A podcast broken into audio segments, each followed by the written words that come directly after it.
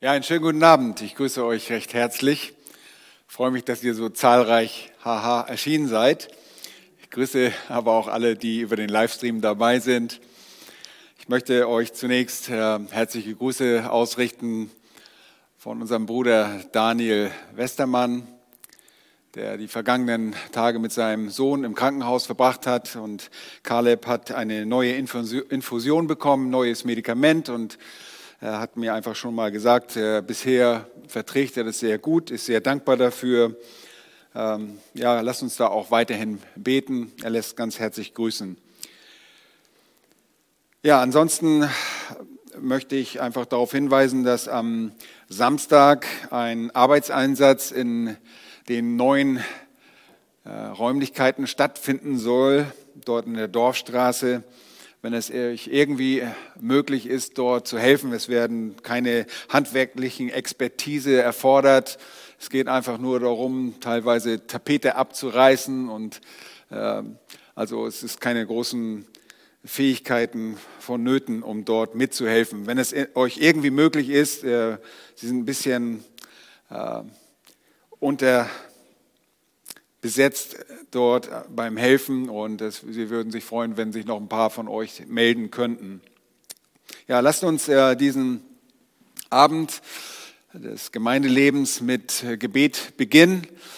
Wir freuen uns, dass der Herr der Unveränderliche ist, der auch unermesslich groß ist und der alles genau weiß, was in dieser Welt geschieht, so wie auch in unserem Leben der auf der einen Seite so groß ist, dass wir ihn nicht erfassen können, aber dennoch sich um alle Details unseres Lebens kümmert. Lass uns zusammen beten. Herr, wir danken dir von ganzem Herzen,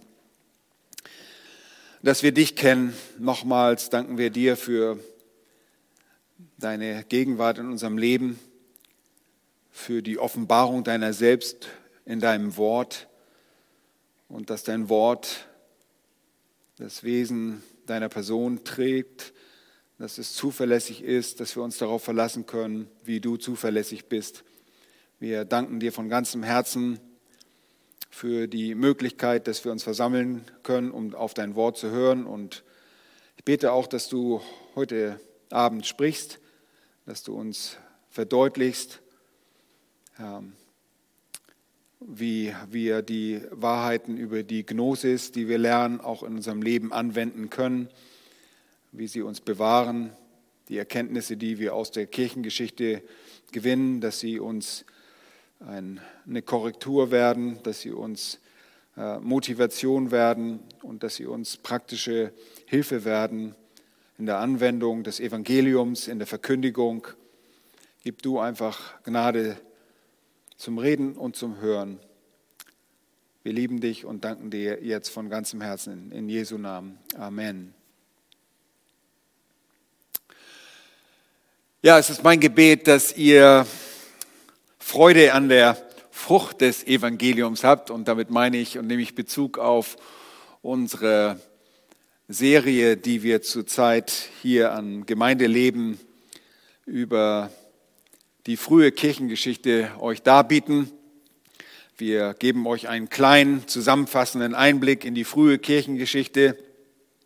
Und es ist uns dabei sehr wohl bewusst, dass die Kirchengeschichte nicht einfach zu deuten ist und sie auch in keiner Weise dem Wort Gottes das Wasser reichen kann. Ähm, wir wollen die Ereignisse auch gar nicht auf die Ebene des Wortes Gottes erheben. Das wäre Blasphemie, das wäre Gotteslästerung. Wir betrachten vielmehr die Kirchengeschichte, weil sie die faktisch als faktisch sicher geglaubten Daten der Vergangenheit mit der zukünftigen Verkündigung und Anwendung des Evangeliums verbindet. Wir erhalten bei der Betrachtung der Kirchengeschichte eine Verbindung zwischen unserer eigenen Vergangenheit und unserem Erbe. Wir können durch das Studium der Kirchengeschichte auch gegenwärtige Ereignisse und Zusammenhänge besser einordnen und interpretieren. Und ihr kennt sicherlich die Aussage, wer die Vergangenheit nicht kennt, wie geht es weiter? Wird die Gegenwart nicht verstehen, ganz genau. Und darin liegt viel Wahrheit. Wer die Vergangenheit nicht kennt, wird die Gegenwart nicht verstehen. Und die, das Studium der Kirchengeschichte kann uns bei eigenen Schwierigkeiten helfen, selbst wenn wir dabei die Fehler der Menschen in der Vergangenheit bei näherer Betrachtung entdecken und verstehen. Wir lernen nicht nur aus dem, was richtig ist. Und wie Daniel uns beim letzten Mal beispielhaft sechs Kirchenväter aus der vorkonstantinischen Phase der Christenverfolgung anführte und einen Blick in das Leben von Polycarp und Irenäus, des Tertullian und Cyprian sowie in die Leben der beiden Alexandriner Clemens und Origenes gab und wir durch ihre Leben motiviert wurden, so wird die Kirchengeschichte nebst Korrektur und dieser Motivation, diesen Faktor Motivation außerdem noch zu einem praktischen Hilfsmittel, indem wir zum Beispiel lernen, wie man Christus bezeugt. Darauf hatte Daniel letztes Mal Wert gelegt, wie man die Wahrheit von Ehrlehren bewahrt und andere ähnliche Dinge. Die Kirchengeschichte hilft uns vor allem einige biblische Aussagen in ihrem historischen Kontext besser einordnen zu können. Aber zu Recht wurde ich auch letzte Woche auf die Frage angesprochen oder eine Frage wurde an mich herangetragen, ob man denn überhaupt solche Männer aus der Kirchengeschichte bei all den Irrtümern, denen sie aufgesessen waren, zum Vorbild nehmen kann. Zugegeben, es ist letztlich schwierig zu beurteilen, ob sie tatsächlich Kinder Gottes waren, ob diese Männer, die wir betrachtet haben und auch künftig, wenn man in der Kirchengeschichte sich damit befasst, dann äh, erlebt man schon sehr interessante Dinge. Aber die Beurteilung ist letztlich auch nicht wirklich unsere Aufgabe. Und wir können in so manchen Fällen einfach nur den Grundsatz des Apostel Paulus folgen, dem Grundsatz, den er den Thessalonichern zum Ende seines ersten Thessalonicher Briefes mitgegeben hat. In 1. Thessalonicher Kapitel 5 und Vers 21 sagt er dort was? Prüft alles und das Gute behaltet. Prüft alles und das Gute behaltet. Letztlich kann die Kirchengeschichte unseren geistlichen Horizont erweitern und sie wird durch das Studium, das wir vornehmen, gewissermaßen zu einer liberalisierenden Kraft, die uns hilft, unseren oftmals anhaftenden Schmalspurdenken zu entkommen. Wisst ihr, uns klebt manchmal äh, nicht ausschließlich ein guter Stallgeruch an. Ist euch das bewusst? Und es hilft manchmal über den Tellerrand hinwegzusehen ja, dass man nicht nur in eigenen Kreisen rumwühlt, sondern einfach über den Tellerrand des eigenen Denkens hinwegsieht und durch das Lernen der Geschichte des Christentums einen gesunden Weitblick erhalten.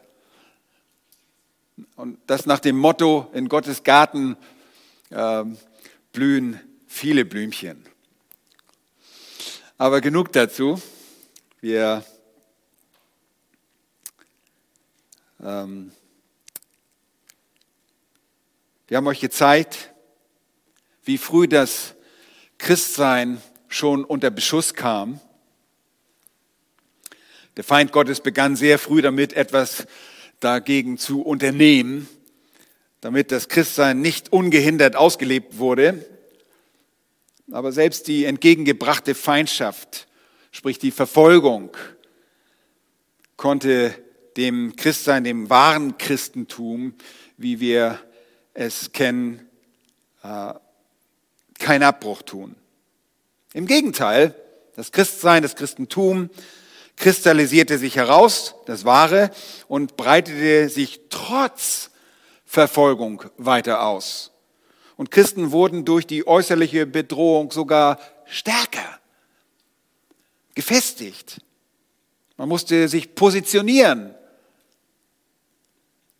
Und der Feind Gottes kam allerdings nicht nur mit äußeren Angriffen, mit externer Drohung und Gewaltausübung gegenüber bekennenden Christen, sondern er wusste sogleich geschickt von innen her anzugreifen. Was, was meine ich damit?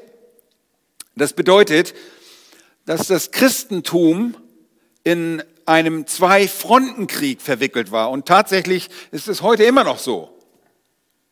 Von außen Verfolgung und Angriffe und von innen Bedrohung durch falsche Lehren, die selbst auf die Rechtgläubigen, auf die Kinder Gottes ihren Einfluss nehmen sollten. Und die Kinder Gottes wurden also sofort durch die entstandenen und vorherrschenden Ehelehren und Philosophien äh, bedroht und standen in der Gefahr, aus dem Gleichgewicht zu geraten. Und diese innere Gefahr kam vornehmlich aus drei Richtungen. Erstens aus jüdisch-gesetzlicher Seite, also von jüdischer gesetzlicher Seite.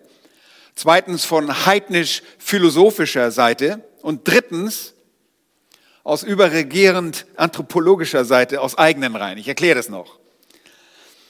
Ich meine mit erstens, und es gab viele legalistische, gesetzliche Ehelehren und von denen sind uns auch einige Varianten aus dem Judentum schon bekannt, die auf das Christentum einwirkten, so dass auch Christen manchmal gesetzlich sind oder eine Neigung dazu haben. Und dann waren da solche, die aus den eigenen Reihen des Christentums selbst stammten. Ah, zweitens war noch, da waren griechisch-heidnische philosophische Ansichten, die auf das Christentum einwirken. Damit beschäftigen wir heute uns, wenn wir die Gnosis uns betrachten, vor Augen führen.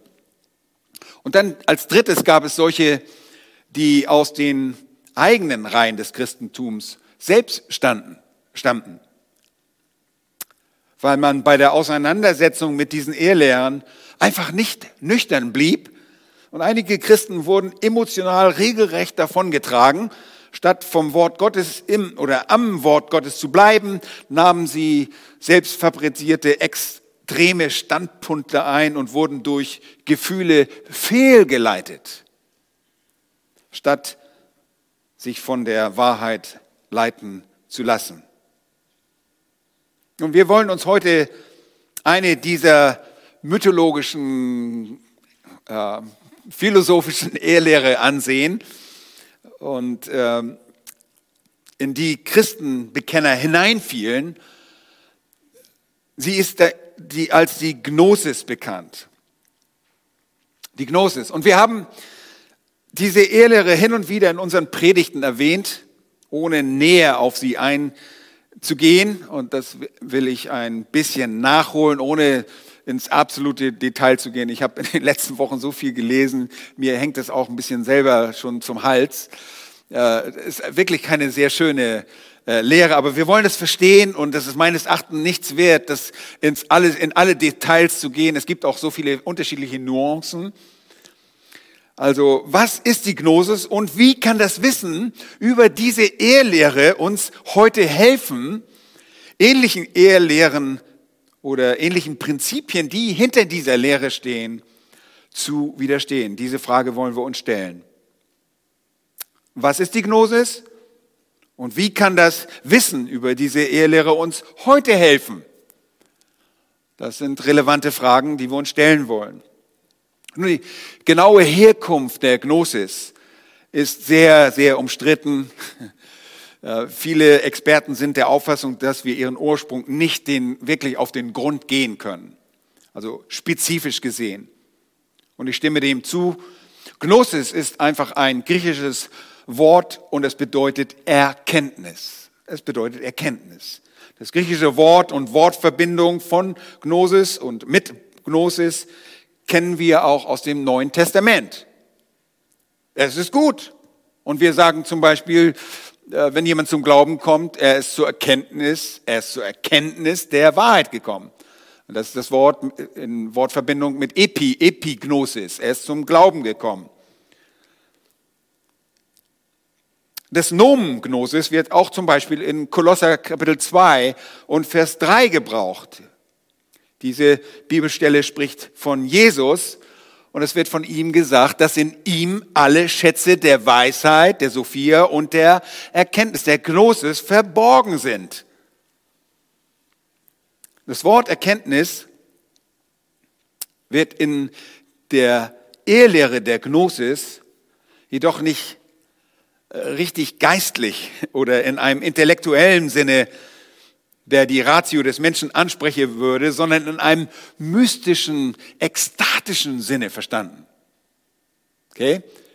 Es ist also nicht irgendwie Erkenntnis, wie wir das heute brauchen, sondern es ist ein mystisches, äh, mystisches ekstatisches äh, Erlebnis sogar.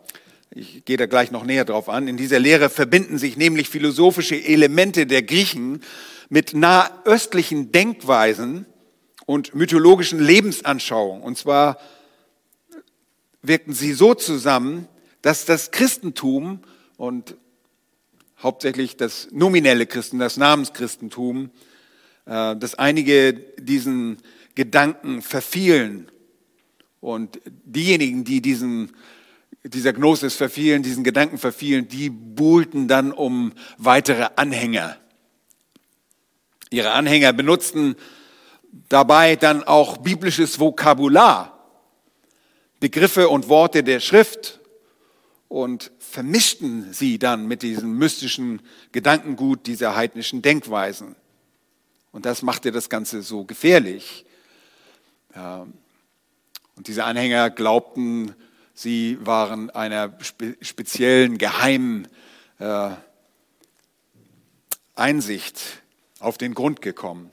Die Gnosis oder wie man auch sagt, der Gnostizismus an sich war allerdings nicht ist und ist nicht eine einheitliche Lehre oder eine äh, Sekte, die man mit klar definierten Überzeugungen äh, beschreiben könnte. Die haben sich nicht deutlich artikuliert, es gab nur ein paar Grundzüge und die wollen wir uns anschauen. Es war eher ein Gemisch, eine Art Lebenshaltung, die sich aus verschiedenen, aus den verschiedensten Philosophien und Überzeugungen dieser multikulturellen äh, Bevölkerung des äh, römischen Imperiums zusammensetzte. Und auch damals schon herrschte ein gewisser Glaubenspluralismus das haben wir auch.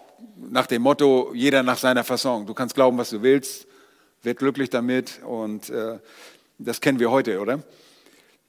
Angetrieben war diese Gnosis und überhaupt jede Ehelehre natürlich von Urheber der Lüge, dem Satan, dem es vor allem gelangt, das Namenschristentum in einigen Bereichen zu unterwandern und sogar Einfluss zu nehmen auf wahre Kinder Gottes die sich gegen diese heftige Ehelehre zu verteidigen suchten. Ihr Lieben, die Vermengung von Lüge und Wahrheit forderte deshalb die frühen Kirchenväter heraus, Stellung zu beziehen. Und so erfahren wir, woher etwas über die Gnosis von den Kirchenvätern und ihrer Stellungnahme zu diesen Ehrlehren. Die Kirchenväter und wir haben Daniel beim letzten Mal gehört, dass Irenäus einer von ihnen war. Sie wurden zu Apologeten. Was ist Apologet? Ein Apologet ist ein Verteidiger. Ja, Verteidiger des, des Evangeliums, des Christentums und kämpften wirklich vehement gegen diese Gnosis. Äh, andere Zeugnisse über die Gnosis waren der Neuzeit eher spärlich erhalten geblieben, bis zu einem besonderen Fund nach dem Zweiten Weltkrieg in Nordafrika. Unmittelbar nämlich nach dem Zweiten Weltkrieg im Jahre 1945, 46 fand man einen riesigen, naja, Schatz, ich weiß nicht, ob es ein Schatz ist, aber dieser gnostischen Schriften in einer Kleinstadt äh, mit dem Namen Natch Hamadi in Oberägypten. Ja, die Stadt liegt äh, ungefähr 130 Kilometer nördlich von Luxor. Und durch die Funde dort, die Natch-Hamadi-Schriften, konnte das bisher durch die Kirchenväter verfügbare Material besser ausgewertet werden und die Gnosis tatsächlich als eine sehr große Bedrohung eingestuft werden. Auf einmal sah man wirklich, oh meine Güte, da ist wirklich, da ist was dran. Und ich weiß, Irenäus zum Beispiel hat sich sehr, sehr stark mit dieser Irrlehre auseinandergesetzt und dagegen geschrieben. Die Gnosis war demnach also nicht irgendwie nur eine Nebenerscheinung, sondern hat äh, das Denken sehr dominiert. Unter anderem erhielten, enthielten die Nat schriften auch eine vollständige, ihr habt das vielleicht mal gehört, äh, Kopie eines Thomas-Evangeliums. Und äh, ja, wenn man das Leuten erzählt in ungefestigten Gemeinden, die, die flippen fast aus. Was? Von Thomas? Super, klasse. Und ihr Lieben, das ist nicht so toll. Das war eine apokryphische Schrift, die die typischen Züge der Gnosis im Gewand des Christentums aufweist. Diese Schrift und auch die übrigen Schriften dieser Funde sind nicht von Gott. Definitiv nicht. Sie unterscheiden sich in grotesker Weise vom Wort Gottes. Man merkt, der Geist Gottes hat dort nicht gewirkt. Auch wenn der Name des Thomas da fällt, des Didymus, dem Zwilling, dem, ja, dem äh, Apostel des Herrn. Es unterscheidet sich in deutlicher Weise von den übrigen Evangelien. Und es ist auch gar kein richtiger Erzählstil in diesem Thomas-Evangelium Evangelium vorhanden, sondern es, es sind einfach nur ähm, Sätze, die darauf hinweisen, dass da irgendwas faul war. Also ist keine Erzählung in dem Sinn. Ich habe auch, es, ihr habt sicherlich auch von anderen Evangelien gehört, das Evangelium nach Nikodemus. Ich habe so eine Kopie da in deutscher Sprache zu Hause stehen. Die kam aber auch erst aus dem dritten oder vierten Jahrhundert, ist nicht jetzt relevant für die Gnosis. Diese Schriften sind nicht von Gott, die sind nicht inspiriert. Lasst euch da ja nicht in die Irre führen. Der Kanon ist abgeschlossen. Wir haben ein vollkommenes Wort, so wie es uns vorliegt. Aber lasst uns einfach mal ganz einfach an die Gnosis herantreten, ohne das zu komplex zu machen. Und dazu bitte ich euch einmal 1. Timotheus Kapitel 6 aufzuschlagen. 1. Timotheus 6. Dort sehen wir am Ende des Briefes, wie Paulus sein geliebtes Kind im Glauben Timotheus schreibt. Das sind seine letzten Worte in diesem Brief und das muss nach der, seiner ersten Gefangenschaft sein im Jahre 62, so 62, 63 rum. Äh, und er schreibt dort offensichtlich, dass es dort eine ähnliche äh, falsche Erkenntnis gab. Schaut mal in die Verse 20 und 21. Da heißt es, oh Timotheus, bewahre das anvertraute Gut, meide die unheilige, äh, das unheilige, nichtige Geschwätz und die Widersprüche der fälschlich sogenannten Erkenntnis. Und das ist eigentlich zu früh, um äh, von der, von einer ausgeprägten Gnosis zu sprechen. Aber hier ist auch das angesprochen, eine sogenannte Erkenntnis, Gnosis, da ist das Wort Gnosis. Zu dieser haben sich etliche bekannt und haben darüber das Glaubensziel verfehlt. Die Gnade sei mit dir. Amen. Oder euch steht da eigentlich, glaube ich. Äh, er, er schreibt und warnt ihn von einer fälschlich genannten Pseudonomos, glaube ich, da wie, wisst ihr, was ein Pseudonym ist? Wenn so ein, da kommt so ein äh, Schauspieler oder ein Sänger und der will einen neuen Namen, der heißt irgendwie ganz komisch und er sagt, nee, ich will einen coolen Namen haben, gib mir mal ein Pseudonym. Also fälschlich genannt wird er dann irgendwie ganz cool und damit er irgendwie populär wird. Aber hier wird das fälschlich genannte Erkenntnis. Das ist keine Erkenntnis. Das ist keine Gnosis im Sinne der biblischen Wahrheiten und dem, was Gott offenbart, sondern es ist fälschlich. Und deshalb warnt er seinen einzigen Reisebegleiter bei dessen Aufenthalt in Ephesus bei dieser, vor dieser Lehre. Und möglicherweise sind das typische Merkmale, das sind, und ich glaube, das sind die typischen Merkmale, die wir auch dann in der voll ausgeprägten Gnosis später finden. Man sagt, die Gnosis war noch nicht so voll im Gange äh, in der Zeit des Neuen Testaments, aber hier sind Merkmale, die schon darauf hindeuten. Seht ihr, bereits in Ephesus war das Problem dieser fälschlich genannten Gnosis, Erkenntnis angekommen. Und es war offenbar nicht nur ein theoretisches Problem. Ich meine, wer, wer warnt schon vor Theorie, wenn die nicht Praxis war, sondern sie war so real, dass sich, was sagt Paulus, einige Menschen laut Aussage von ihm dazu bekannt haben und dabei das Glaubensziel verfehlten. Hier geht es um Leben und Tod. Paulus warnte von Anbeginn vor dieser irreführenden Lehre. Und wenn man weiß, worum es sich bei dieser Lehre handelt, dann versteht man im Lichte dieser Gefahr auch so manche neutestamentliche Passage äh, besser und sieht sie in einem anderen Licht. Wir werden nachher noch ein paar dieser Passagen uns anschauen. In der Gnosis geht es auch um Erlösung. Es geht um Rettung. Es geht um Heil, aber nicht um eine Rettung von Sünde oder von dem Fluch Gottes, der über den gottlosen Menschen gekommen ist. Nein, über jeden Menschen gekommen ist, sondern es geht bei den Gnostikern um etwas anderes. Sie sahen das anders. Das war für sie viel zu primitiv das einfach nur so zu sehen. Einfach ist es so, ich versuche das mal einfach auszudrücken, ich bin ja auch kein Experte, aber ich, ich kann mich kaum ehren, denn es gibt so viele unterschiedliche Standbeine dieser Lehre. Und je mehr ich darüber gelesen hatte, desto mehr habe ich auch gesehen, oh, das ist nicht so eine fixe äh, Lehre, dass da nicht äh, bestimmte Flexibilität drin ist. Bei der Gnosis geht es um die Grundfrage nach dem Bösen. Das, das, die Grundfrage nach dem Bösen in dieser Welt.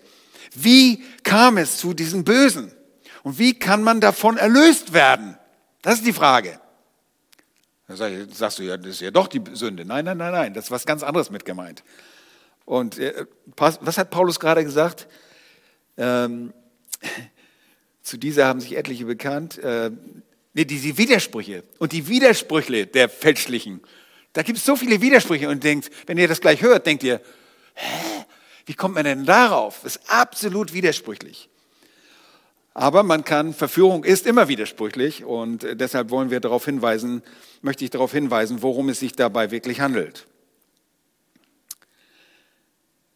Also, es geht um die Grundfrage nach dem Bösen dieser Welt. Wie kam es zu dem Bösen und wie kann man davon erlöst werden? Und dazu müssen wir wissen, dass die Gnosis behauptete, dass es zwei Götter gibt. Der ursprüngliche, und das war der wahre Gott, der Lichtgott, oder wie es auch genannt wird, das Pleroma, genannt wird. Und das ist auch ein griechisches Wort. Pleroma ist ein biblischer Begriff und bedeutet Fülle. Äh, es wird zum Beispiel von der Gemeinde Jesu gesagt, dass sie des Herrn Leib ist, die Fülle, die Pleroma dessen, der alles in allem erfüllt. Epheser 1, 23. Hier werden also Begriffe benutzt, ähm, und verwendet, die wir auch aus der Bibel kennen, aber mit anderen Inhalten gefüllt. Und so ist das Pleroma ist jetzt das Gott. Und das muss nicht unbedingt ein persönlicher Gott sein. Das ist manchmal nur ein Ding oder eine, eine geistliche Sache. Das ist verrückt. Also der Lichtgott, gehen wir jetzt mal von diesem Lichtgott aus, das Pleroma, ist der wahre Gott. Der andere Gott ist nur ein Untergott, den man in der Gnosis sogar mit Jahwe bezeichnete. Den Jahwe des Alten Testaments. Ihr Lieben, welch eine Gotteslästerung das ist. Aber gleich noch mehr zu diesem Untergrund, dem sogenannten Demiurgen. Ja. Der Lichtgott, der wahre Gott, also war für einige religiöse Menschen, die sich zum Christentum hingezogen fühlten, einfach attraktiv. Denn er war ja wie im Christentum Geist. Erinnern uns, Jesus sagt auch, Gott ist Geist. Das ist Geist. Oh ja, ist ein Geistgott. Okay. Dieser Lichtgott ist Geist und lebt nur im Geist und ihm ist das Materielle total fremd. Aus ihm, den Lichtgott nun, so glaubten die Gnostiker, so glaubt nicht ich, floss das Reich des Lichtes heraus. Ganz ähnlich wie Flüssigkeit aus einem Behälter, aus einem Krug herausfließt, so floss aus dem großen Lichtgott, aus diesem Geist, fließen Geistesströme heraus und so entstand das, das Reich des reinen Geistes.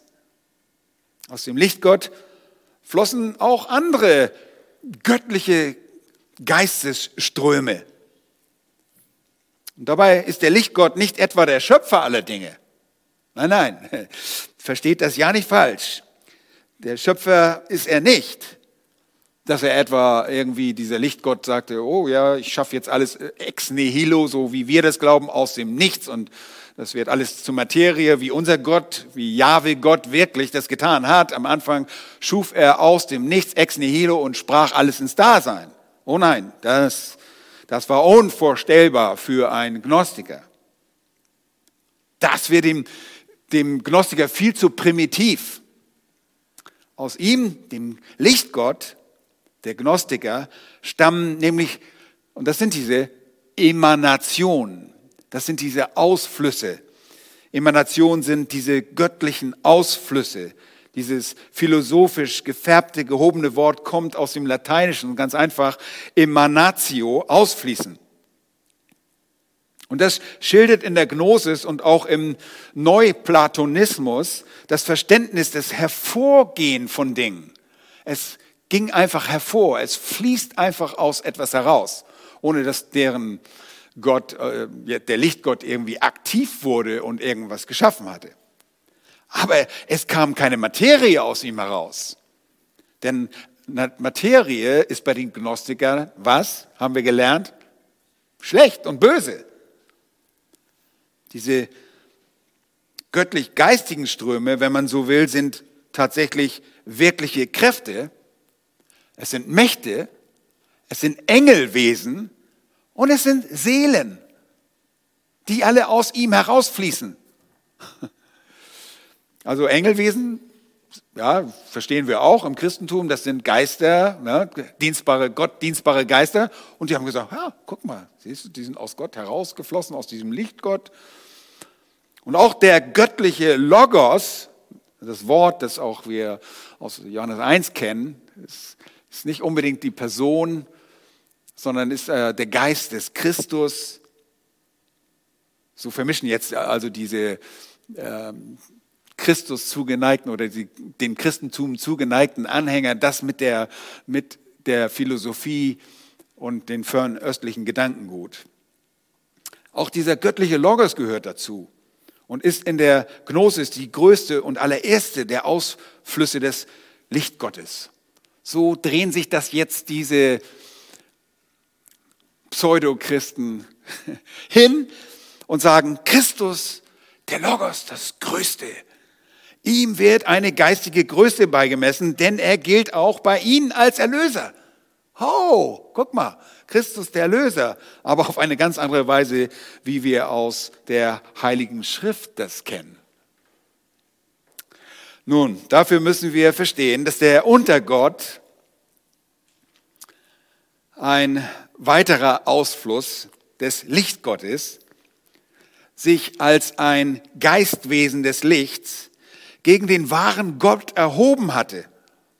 Hört sich irgendwie so ein bisschen bekannt an. Ne? Wer hat sich gegen äh, der Engel, wer war der Engel des Lichts? Luzifer. Ne? Er hat sich gegen, das ist irgendwie alles so ein bisschen nachgeafft und äh, ja, dieser Ausfluss des Lichtgottes war jetzt ein Lichtwesen, das war der Untergott und der hat sich gegen Gott erhoben und damit viele Seelen einfach ins Verderben gerissen.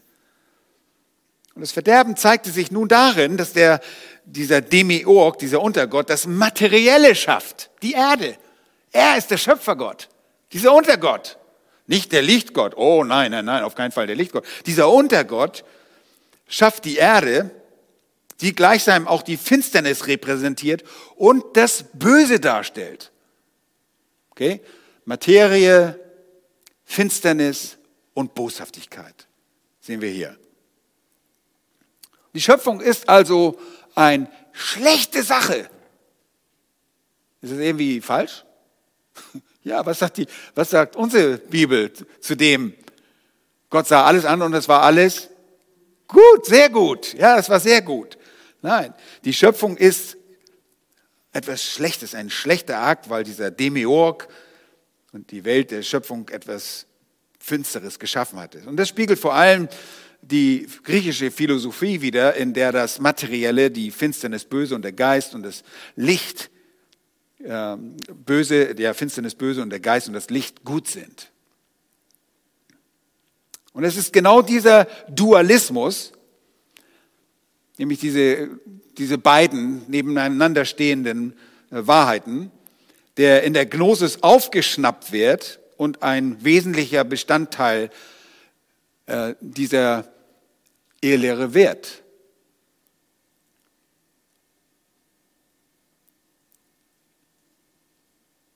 Und das war das große Dilemma im Denken der Gnostiker, dass sie glaubten, dass der Geist gut wäre, aber alles Materielle nur ausschließlich böse sein konnte, einschließlich ihrer eigenen Leiber. Ich meine, das sind ja Menschen, die das erfinden. Die sagen, oh Mann, hier sind diese Gedanken aus, aus der griechischen Philosophie, hier sind Gedanken aus dem nahöstlichen Gedankengut, mystische Dinge und die, die würfeln wir alle mal zusammen und das hört sich ganz gut an mit diesem Christus, was wir da alles da gehört haben, das, das passt alles irgendwie zusammen.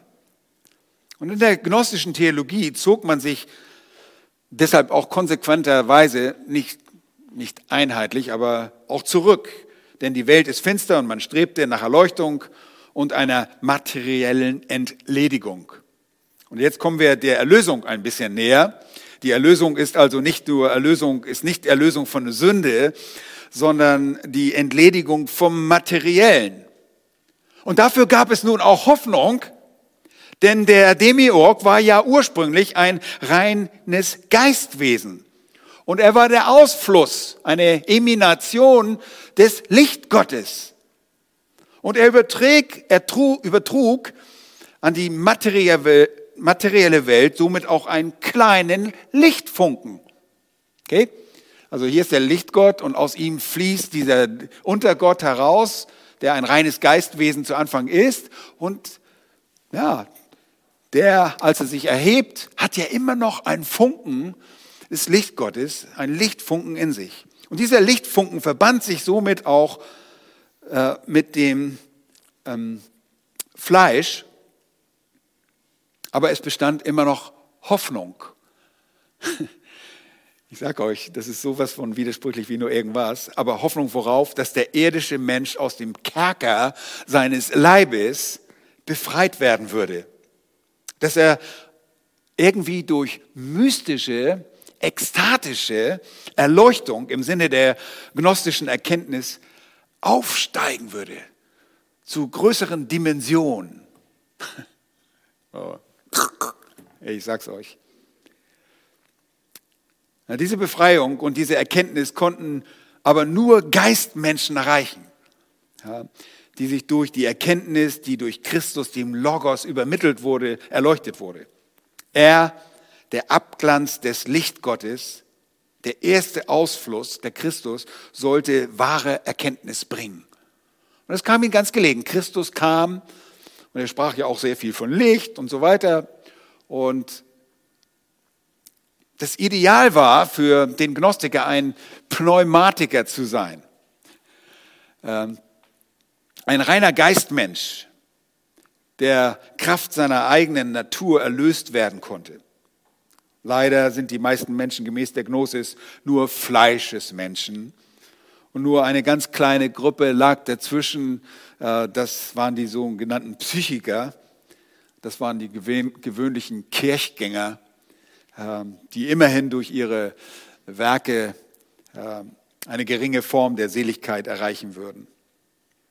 Und ihr Lieben, das hört sich alles sehr verrückt an Und das verstehe ich auch. Aber das ist nun mal das Ergebnis von Verdrehung. Und das entsteht durch die Erhebung gegen die Erkenntnis des Christus. In dem Moment, wo man sich von Christus löst, äh, ist, verlässt der Mensch auch die Ratio, vernünftige Dinge. Ich meine, schaut euch mal die Evolutionstheorie an. Das ist nicht vernünftig. Das ist völlig irrational.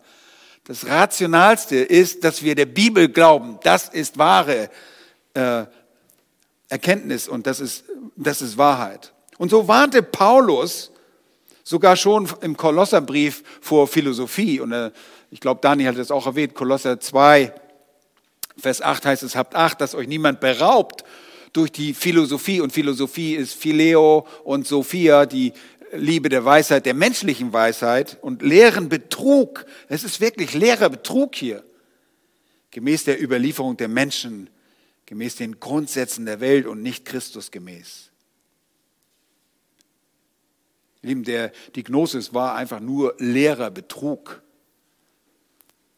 Und das äh, haben nur einige Leute behauptet, oh, das ist nichts für euch, ihr seid einfach zu primitiv. Wir haben ein geheimes internes Wissen. Äh, das habt, könnt ihr einfach nicht erreichen. Äh, das ist die andere Seite dazu. Aber da der Gnostiker nun in den normalen Vorgängen des Lebens nichts Göttliches sehen konnte, keine Tugenden, entwickelte er ein weiteres Standbein in dieser Lehre.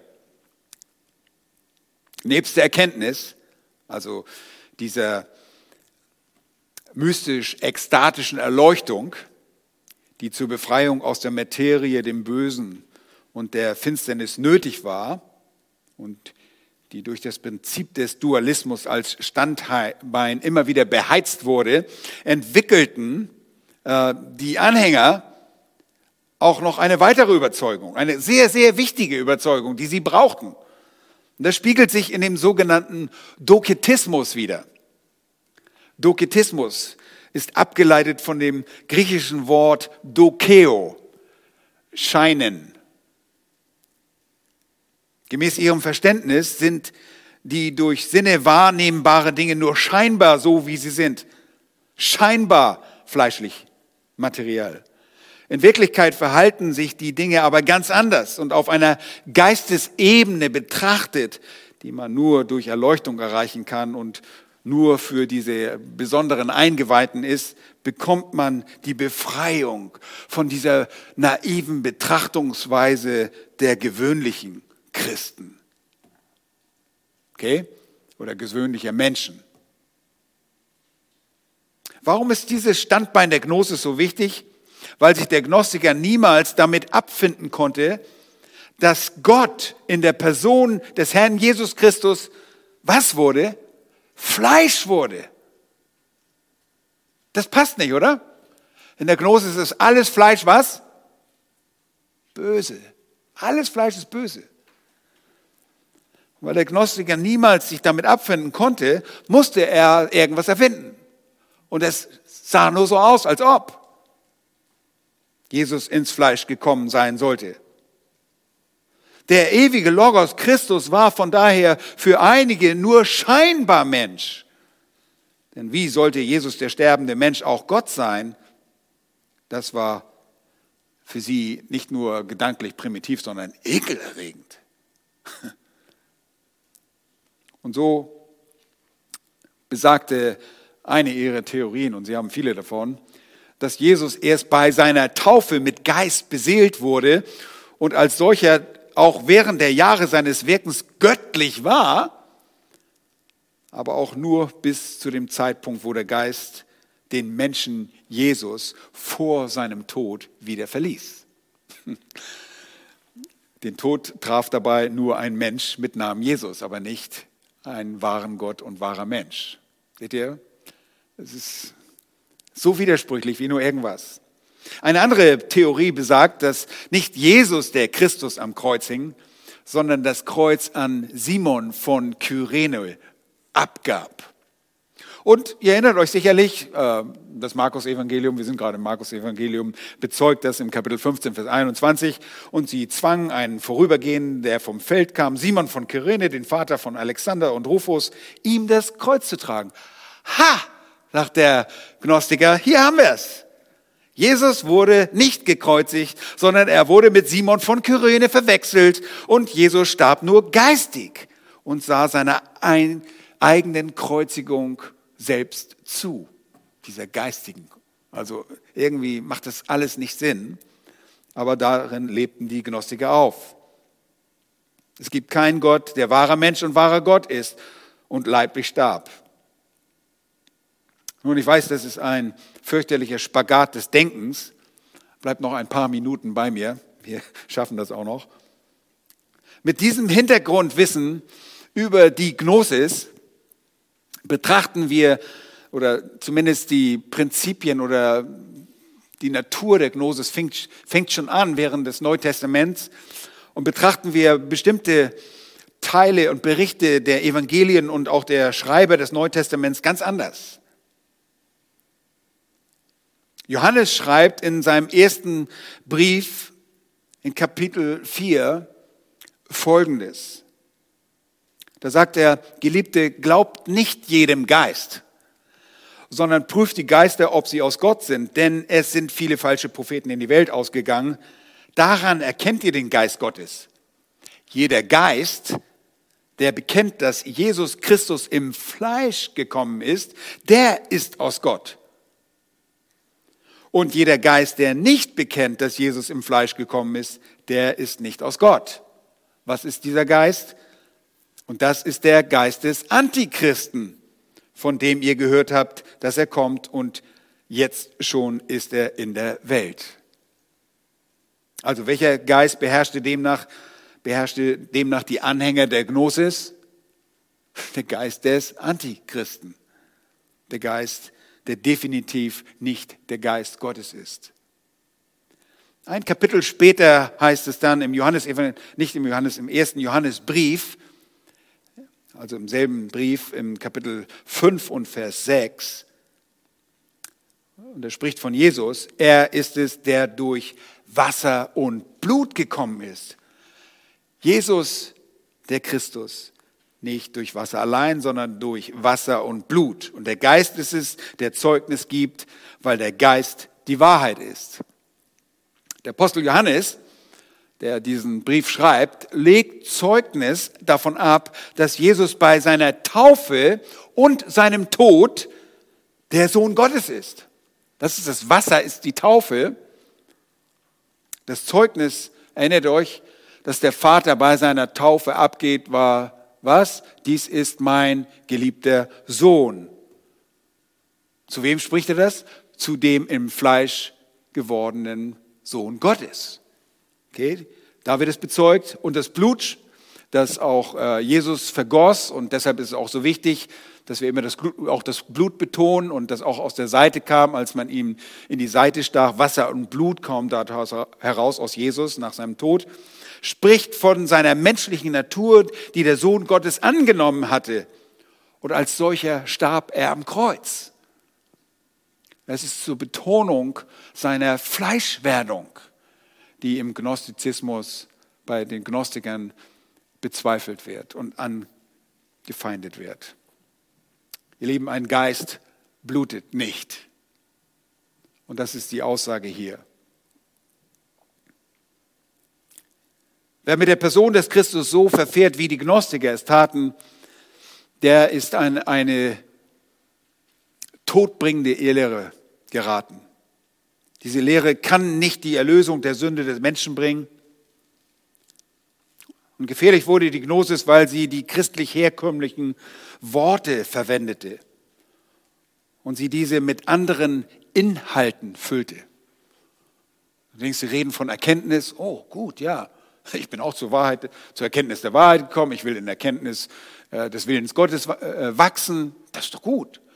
Sie meinen was ganz anderes. Und das ist typisch bei Ehelehren und besonders bei solchen gefährlichen Ehelehren. Ich erinnere mich einfach nur, äh, auch die Lehre Karl Barths der Neo-Orthodoxie, da ist es genau so. Ähm, dort haben die Neo-Orthodoxen andere Inhalte, den Worten, den christlichen Worten, die wir haben, anderen Worten Inhalte beigemessen. Aber auch viele Kreise heute haben Gemeinsamkeiten mit der Gnosis. Und ich selbst erinnere mich an äh, zumindest ein paar Züge dieser Gnosis, bei denen ich kritisiert wurde, weil ich das Wort Gottes benutzte und zu sehr, nach Aussagen meiner Kontrahenten natürlich, an das schriftliche Wort gebunden sei. Ich erinnere mich so genau an, an diese Situation, wo mir jemand sagte, ich müsse doch dem, dem Geist viel mehr Freiheit gewähren der heute über das geschriebene Wort hinaus am Wirken ist und sich den Menschen auf eigentümliche Art und Weise privat und geheim offenbart. Und ihr denkt, Mann, das ist ja total abgehoben. Aber fragt euch nur mal, habt ihr Leute mal gehört, die euch gesagt haben, der Herr hat mir gesagt? Was ist das denn? Der Herr hat dir gesagt? Was hat er dir denn gesagt? Das hat er mir auch gesagt. Wir haben immer wieder gesagt, wenn ihr Gott reden hören wollt, dann sprecht die Bibel laut aus, lest sie laut. Wenn ihr Gott laut hören wollt, dann müsst ihr das Wort laut vorlesen, ja? Das aber nur die Bibel. Gott gibt keine geheimen Botschaften weiter. Nun, bei den charismatischen, schwärmerischen Kreisen ist das immer noch so. Und sie verlassen das Prinzip von sola scriptura und fügen hinzu. Und das ist nichts anderes, das ist mystisch. Das ist wirklich so, eine, so ein Standbein auch des gnostischen äh, Denkens. Aber nicht nur schwärmerische Kreise tragen das Erbe dieser Lehre an uns heran, sondern wenn man in die Theologie schaut, dann ist da die Geisttheologie des Schleiermachers, müsst ihr nicht euch merken, und die Entmythologisierungsversuche eines Bultmanns, der immer den Kern herausfinden wollte der Dinge, die, ja, das ist sowas von ähnlich wie eigentlich in dieser, bei den Gnostikern. Und so begegnet uns die Lehre der Gnosis vielleicht nicht genau mit all diesen Elementen, die ich nur ganz kurz beschrieben habe, und damit euch nicht schlecht wird, höre ich lieber auf aber die ich euch nur kurz geschildert habe, diese mystische, philosophischen Aspekt in anderen Ehelehren, die diesen ähneln, Ehelehren, die diesen ähneln, führen unweigerlich in die ewige Verdammnis, weil sie nicht das Evangelium von Jesus sind. Nun wurde dem Glauben der Gnostiker natürlich auch Ausdruck verliehen. Und ihr fragt euch, wie hat so ein Gnostiker denn eigentlich gelebt? Und so wie wir äh, Gottesdienste durchführen und durch das ganze Leben Gott anbeten, also nicht nur im Gottesdienst, sondern auch unser Leben ein Gottesdienst ist, so gab es auch bei den Gnostikern Ausdrucksformen, Zeremonien und gnostische Feste. Und die Teilnehmer, die sich da auf diese Reise zu dieser äh, mystisch-ekstatischen Erkenntnis begaben, zeigten sich aufgrund der Ablehnung der bösen Materie auf zweierlei Weisen. Der eine sagte, wir müssen uns allen Dingen enthalten. Das war ein asketischer Aspekt. Da der Leib böse als böse galt, wurde er auf der einen Seite total ignoriert. Essen und Trinken musste ja auch irgendwo nur auf ein Minimum gehalten werden, Genüsslich zu speisen galt bei ihnen als finsteres, ekelhaftes Verhalten. Entsagung aller Lüste war das höchste Ideal und selbst die größte Bescheidenheit war für sie ein notwendiges Übel des Leibes, dem Kerker, wie sie sagten, der Seele. Auf der einen Seite Askese, auf der anderen Seite genau das Gegenteil libertinistisches Verhalten, also befreiendes und unverschämtes äh, Auftreten, unmoralisches Verhalten. Auf der anderen Seite wurde er, Kerter, äh, wurde er ignoriert, weil er im Denken nicht zur Geistseele des Pneumatikers gehörte. Und weil er nicht zu einem Geistmenschen gehörte, konnte er mit dem Körper machen, was er wollte. Seht ihr? Das ist ja nur der Körper. Das ist mein Gefängnis. Das ist okay. Das, das ist egal, was ich damit mache. Und er konnte sich im Prinzip mit dem Körper, mit seinem bösen Teil des Menschen, allem hingeben, wenn es in irgendeiner Form zu irgendeiner neuen Erkenntnisstufe führte. Ob es nun Zauberei oder ein Saufgelage waren oder ob es ausschweifende sexuelle Orgien oder was auch immer mit dem Körper gemacht wurde, diese Dinge betrafen nicht die wahren Menschen, sondern förderten letztlich nur die geheime Gnosis, die geheime Erkenntnis.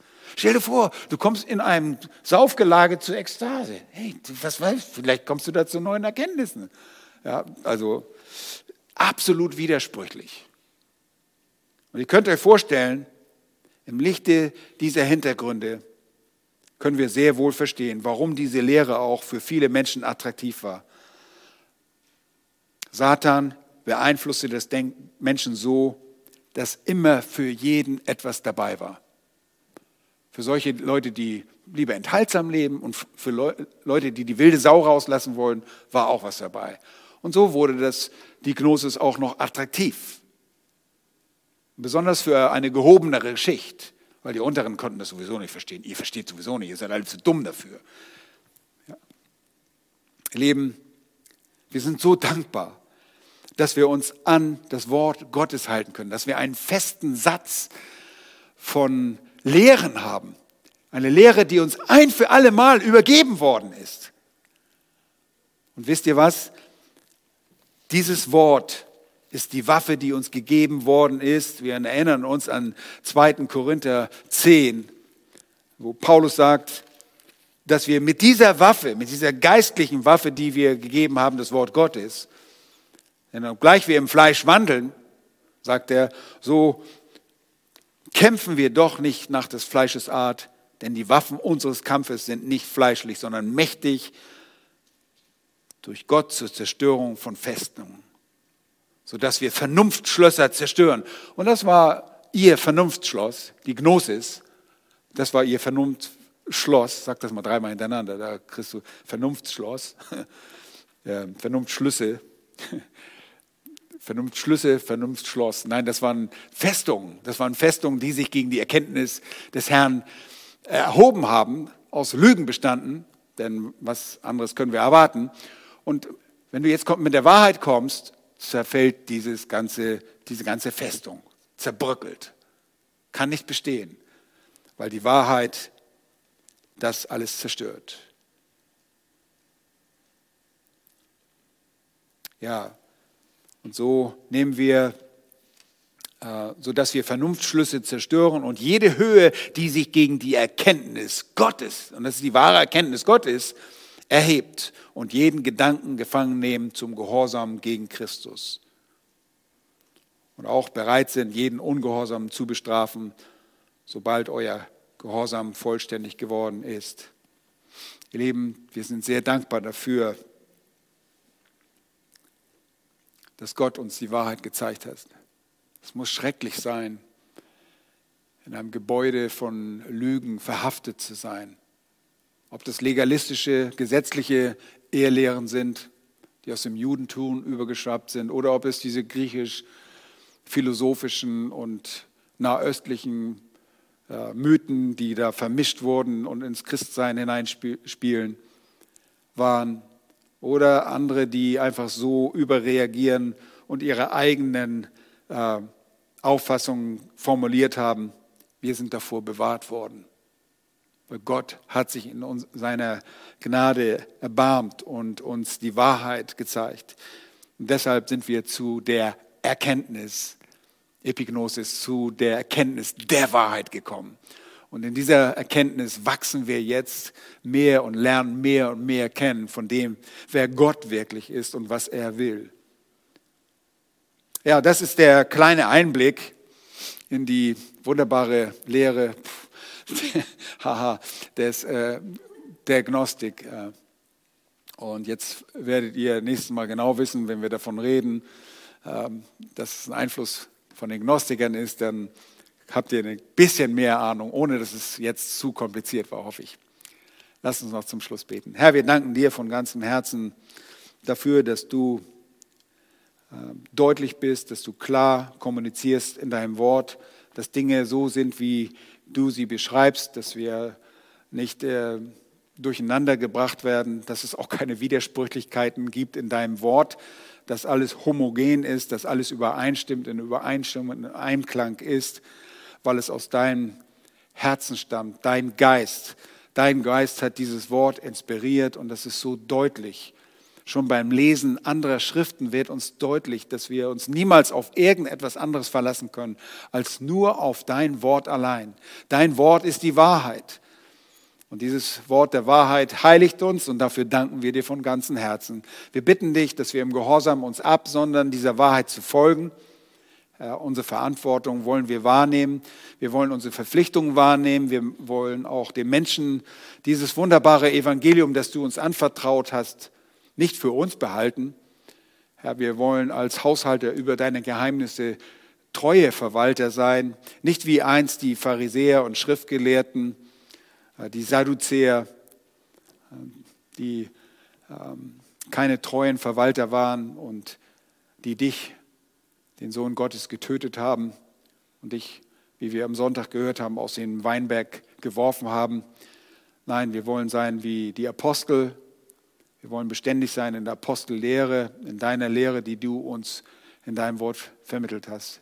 Dir sei Lob, Preis und Ehre. Wir bitten dich um deinen Segen in unserem Leben. Bewahre uns dass wir den geraden Weg gehen, dass wir nicht abweichen, weder zur linken noch zur rechten, dass wir schnurstracks das tun, was du sagst. Vergib uns unsere Schuld. Wir bekennen, dass wir dich brauchen als Erlöser. Wir brauchen nicht einen äh, Gott, der keine Macht hat, uns von Sünde zu erlösen, sondern wir brauchen dich allein. Du bist der einzige Weg, du bist der Weg, die Wahrheit und das Leben. Niemand kommt zum Vater als nur durch dich allein. Und dafür rühmen wir dich und beten wir dich an in Wort und durch unser Leben. In Jesu Namen. Amen.